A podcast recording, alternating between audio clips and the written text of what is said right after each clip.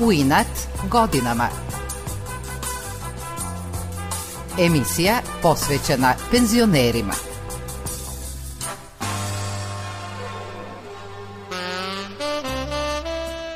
Zajedno smo i ove subote u još jednom izdanju emisije U inat godinama. Dobro jutro i dobrodošli.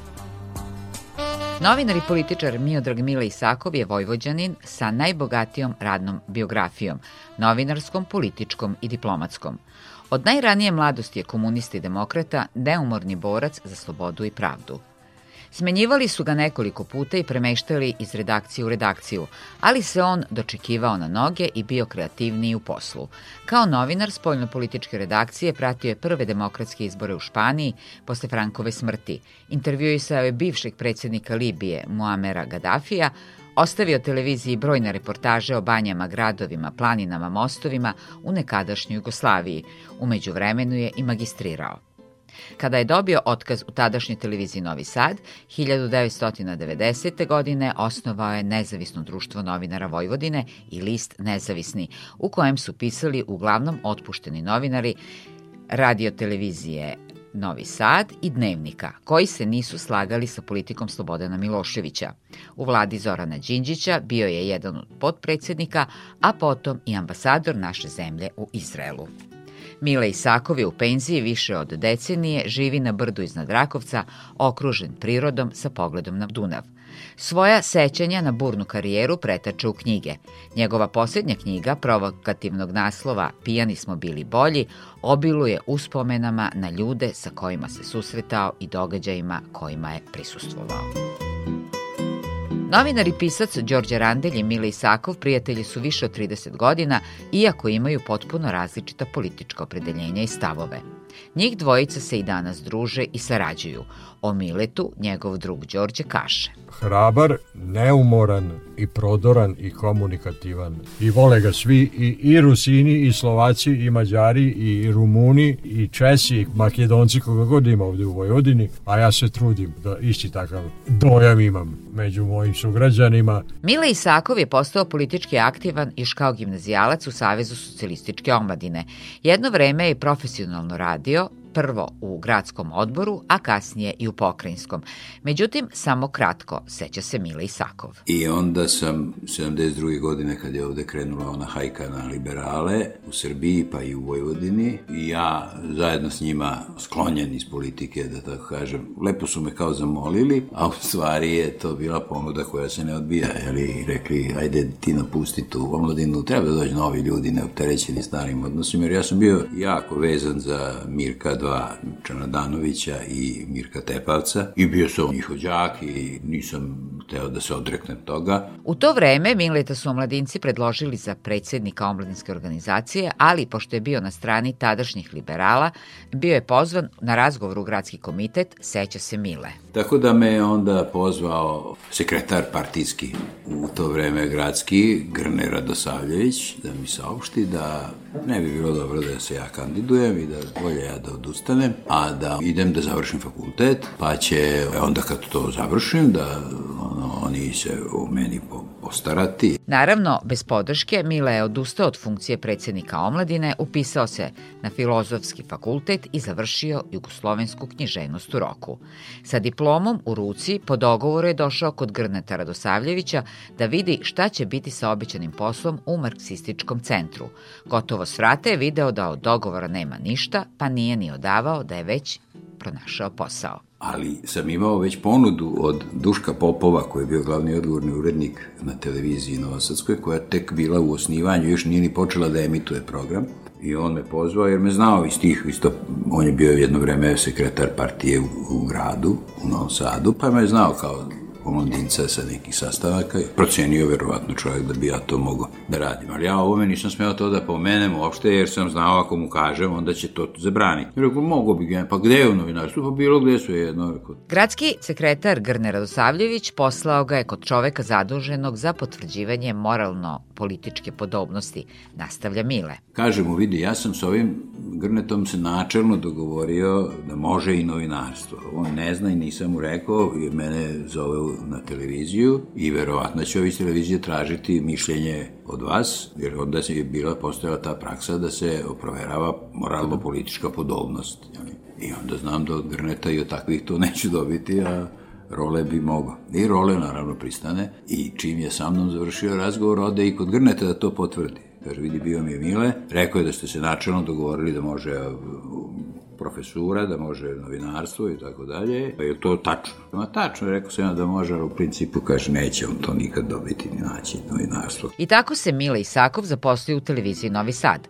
Uređivao je prvo omladinski ekran, emisiju namenjenu mladima, a vrlo brzo Mile je postao najmlađi urednik dnevnika. I ja odmah otrčim kod Duška Popova i kažem sve je dogovoreno, može, imam saglasnost partijsku i ovaj napiše pismo, Role mu odgovori da je sve u redu, da je, sam ja moralno politički da sasvim podoban. I Duško Popov raspiše konkurs za to mesto na televiziji na radio u Novom Sadu ujutru negde u 4-5 sati. Ja sam i konkurisao primljen i za godinu dana sam postao urednik i voditelj dnevnika. I to najmlađi urednik dnevnika u, u tadašnjoj Jugoslaviji za 26 godina. Mile je kao urednik dnevnika prvi put smenjen. Kad su videli da sam ja tu ta, neki urednik i nešto tu se često pojavljuje na televiziji, onda je pokrenuta hajka protiv mene i onda sam vrlo brzo smenjen sa tog mesta i bačen u poljnu političku rubriku. I onda sam radio spoljnu politiku, ono svakodnevno što se radi za dnevnik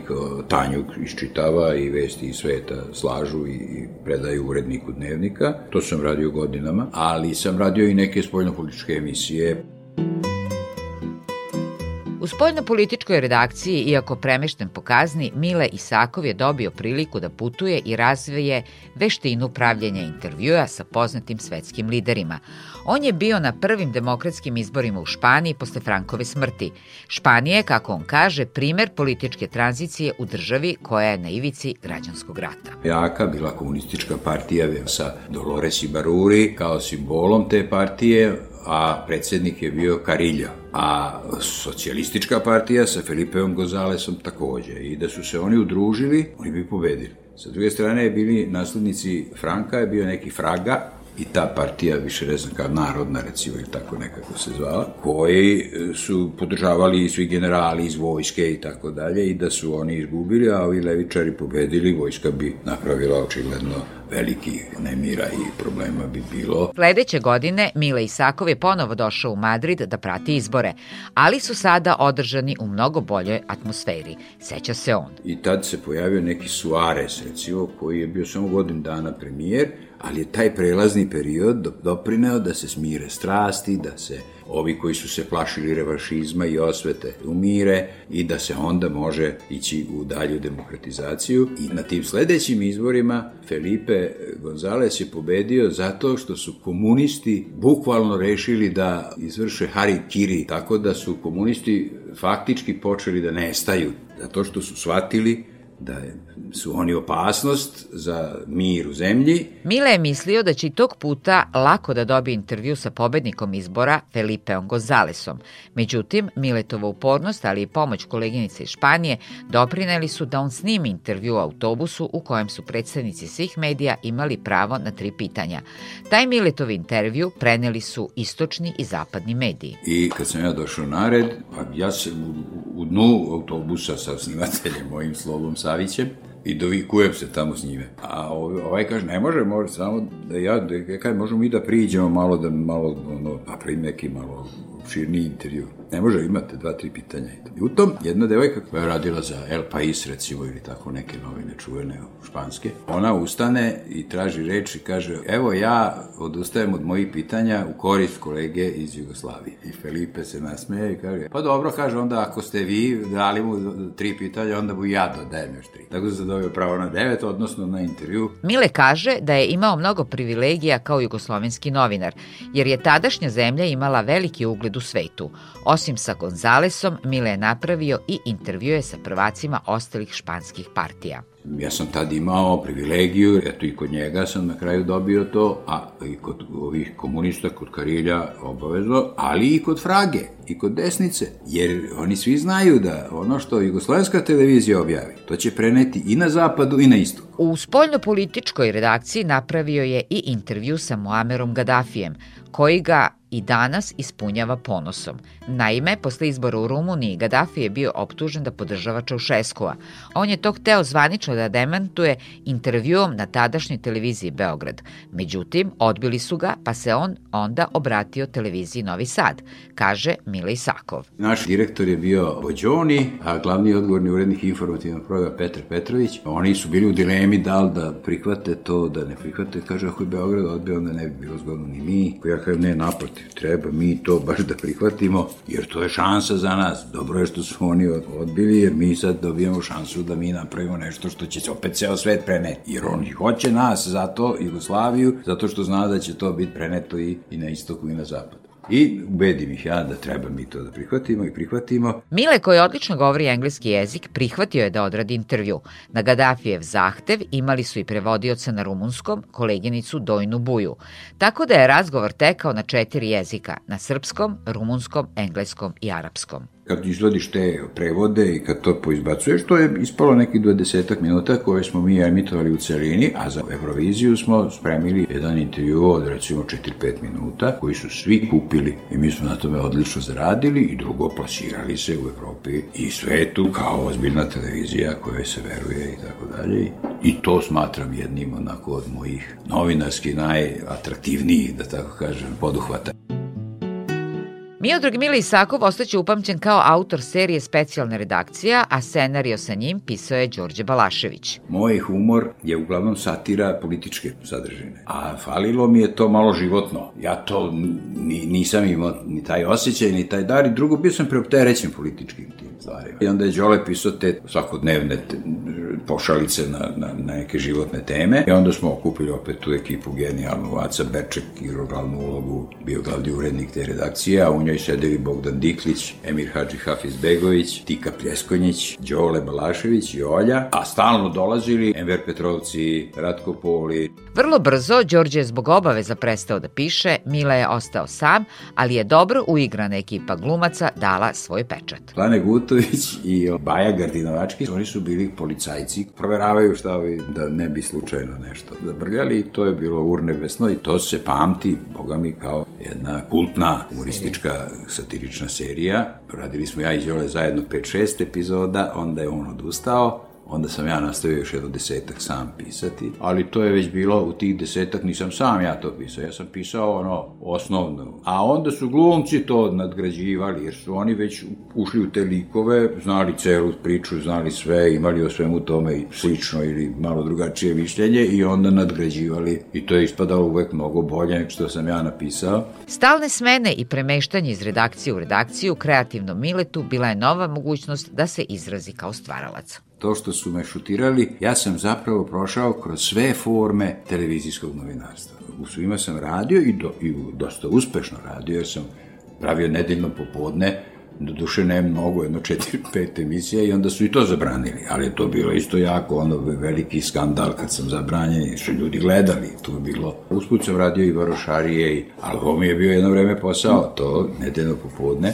u kome sam ja recimo dovodio glumce iz cele Jugoslavije. Bio je na BBC-u jedan komičar, valjda je, sad bi se to reklo stand-up komičar, ali je to radio tako da je to bilo fantastično. I ja sam to naravno iskopirao. Zabranjeno je i nedeljno popodne i specijalne redakcije i Mile je premešten u redakciju dokumentarnog programa. Onda su i to zabranili. Onda sam poslat u dokumentarni program. I onda sam počeo da radim putopisne emisije. Kako moja drugarica Jelena Lovrić, čuvena zagrebačka novinarka, je napisala tada, kaže, ovi, kaže, u Novom Sadu izgleda nisu baš normalni. Oni, kaže, Mileta poslali da radi, a ja radio seriju o planinama Jugoslaviji. Koje oni Mileta poslali, kaže, u planine. Pa kaže, ko da ne znaju kad nas je najviše bilo po šumama i gorama. oni misle da će ga tako isključiti, ma kaže, nema veze. I tako i bilo. Mila Isakov je uspeo u svojoj burnoj biografiji i da magistrira. Za razliku od ovih sad što imaju ove rasprode i diplome, ja sam moju stekao pred komisijom u kojoj su bili Boško Kovaček, koji je bio i moj mentor, koji je bio inače i predsjednik Matice Srpske, Vasa Milinčević, profesor iz Beograda, koji je doktorirao na Kosti Trivkoviću o kome sam ja pisao magistarski, o komedijama njegovim, i Milorad Pavić, čuveni, on je bio profesor 18. i 19. veka i u Beogradu i kod nas, a posle postao i poznati i čuveni pisac. Mile Isakov je bio i odličan putopisni novinar, koji je sa snimateljem i rediteljem Slavujem Hadžićem ostavio brojne reportaže o planinama, banjama, gradovima Jugoslavije. Po planinama je zanimljivo zbog naroda tamo, bez obzira da li je u pitanju Srbija ili je Hrvatska ili tamo Krajina ili seljaci, to je neverovatno kako je to dobro čudan svet, kako su oni bez pakosti, gostoljubivi do, do, do, do, do neizdrživosti, to je odmah sedi, sjedi, pi, nema tu. Kad dođemo u neko mesto gde treba da snimamo, onda sedneš u kafanu, najbolje možeš čuti sve i ko je ko i šta ko planira i šta ko radi i šta je zanimljivo slikati, šta se gde događa u brdu, u planini, u šumi i onda mnogo lakše ti je da, da napraviš ono, koncept i da, da ga realizuješ u toku snimanja. Filmska montažerka u penziji Vera Bojić kaže da je od samog dolaska u televiziju Novi Sad montirala Miletov materijal sa terena – Sporazumevali su se pogledom. Tamo sam počela da sarađujem sa Miletom Isakovim. Naša prva saradnja je bila na omladinskom ekranu, to je emisija od pola sata. Veoma brzo smo se zgotivili jer sam veoma lako ulazila sa njim u sinhronitet rada. Naime, nije nam trebalo puno teksta, niti njemu puno objašnjavanja da bi emisija dobila onaj sklad koji je on želeo. Sledeći veliki projekat koji smo radili jeste emisija Albansko-Jugoslovenski odnosi. Kasnije smo radili putovanja sa Slavujem. Ekipa je uvek pričala meni iza leđa. Ja sam u letu hvatala sadržaj. Ona se seća da joj je Mile u jednoj prilici kada se preseljavala pokazao da joj je istinski prijatelj. Pa i Mile, kevo sutra putujem u Beograd. Međutim, ujutru kad je došlo taj trenutak, poslo je prvo našeg Đoleta Damjanova snimatelja, besprekornog snimatelja, direkt iz kafane. Rekao, ja šta ću, a on je sitan tako mali, šta ću s tobom u seobi? Nije prošlo pet minuta, Mile ide, kaže, Kevo, vodim trojicu nisu nešto pametni, a nisu ni lepi, važno da su jaki. I mene su tada preselio Mile i ja mu to nikada neću zaboraviti. Kada je 1990. godine Miodrag Mile Isakov dobio otkaz u televiziji Novi Sad, osnovao je nezavisno društvo novinara Vojvodine. Na kraju svih tih afera na televiziji i silnih smenjivanja i šutiranja iz redakcije u redakciju dobio i otkaz pošto sam osnovao nezavisno društvo novinara i poveo tu bitku protiv režima na jedan otvoreno opozicioni način, jer je nezavisno društvo novinara Vojvodine zapravo bilo jezgro opozicije u Novom Sadu i u Vojvodini. Sve partije su tamo nastajale ili su ih ono, pravili ljudi iz nezavisnog društva novinara ili su ih afirmisali. Posle pet godina Nezavisno društvo novinara Vojvodine i Mile pomogli su da se osnuje i Nezavisno udruženje novinara Srbije. Seća se Mile. Ja sam išao tamo da im pomažem, bio u tom nekom organizacionom timu sa Žarkovićem, na primer, sa Stevom Nikšićem i sa Tijanićem, sa Tirkanićem i Gordanom Sušom i tako dalje. I, I nikad nisu uspeli da naprave dok nismo mi doneli, ja im doneo 300 potpisa iz, iz našeg nezavisnog društva novinara i to je bila ta kritična masa koja je omogućila da se napravi nezavisno društvo novinara Srbije samo da ne bi ispali da su naša kopija, onda se oni zovu nezavisno udruženje. Oni su NUNS. Osim osnivanja nezavisnog društva novinara, osnovan je i list Nezavisni, u kojem su pisali svi otpušteni novinari iz televizije i Novosadskog dnevnika, koji se nisu slagali sa politikom Slobodana Miloševića. Jedan od njih je i novinar Đorđe Randelj. On kaže da su oni Mile dva antipoda koji imaju potpuno različite političke stavove, ali su Mile komunista i levičar i on antikomunista, realista i srpski nacionalista postali nerazdvojni prijatelji. Ja načujem onako u tim našim kuloarskim, kafanskim krugovima da tamo su fini honorari i sve to, ali se mislim gde su ja u nezavisnom koji ima i neku nabedili su ih i da su autonomaši i da su republikanci i da hoće da odcepe ovaj, gde ću ja tamo da pišem kad sam ja srpski nacionalista i sretnem ja Mileta i to mu sve ispričam. Kaže, slušaj mali, randelju, dođi u nezavisni, ja znam kako ti pišeš, imaš britko pero, imaš celu stranu komentara u svakom broju dok postoje novine, jedno slovo ti neće biti promenjeno. Stvarno meni on nije dirnuo ni jednu jednu rečenicu. Mile Isakov je napravio i značajnu političku karijeru kao lider i osnivač stranke Reformisti Vojvodine. U jednom trenutku osnovao je sa istomišljenicima stranku, ne razmišljajući da se bavi politikom, ali kada je ostao bez posla, prihvatio se politike. I onda kad sam ostao bez posla, desilo se to da su ovi reformisti napravili glupost, pa napravili koaliciju sa socijalistima i u gradu i u pokrajini i izgubili popularnost, izgubili svoje uh, zere, svi se razočarali, omrzli ih i tako dalje i onda su oni u želji da se povrate i da nekako došli da me zamole da ja dođem da budem predsednik stranke i da probamo da ponovo to. I tako sam ja počeo da se bavim politikom opet samo sa ciljem jednim jedinim da vratimo slobodu na nivo, bar na onaj koji smo imali. Njegova sekretarica u stranci bila je Dušica Balać, koja o saradnji sa Miletom kaže. Pošto je najprepoznatljiviji po angažovanju u politici. Mislim da takav profil treba da se neguje i strašno mi je žao što nije uspio na predsjedničkim izborima kad je bio kandidat,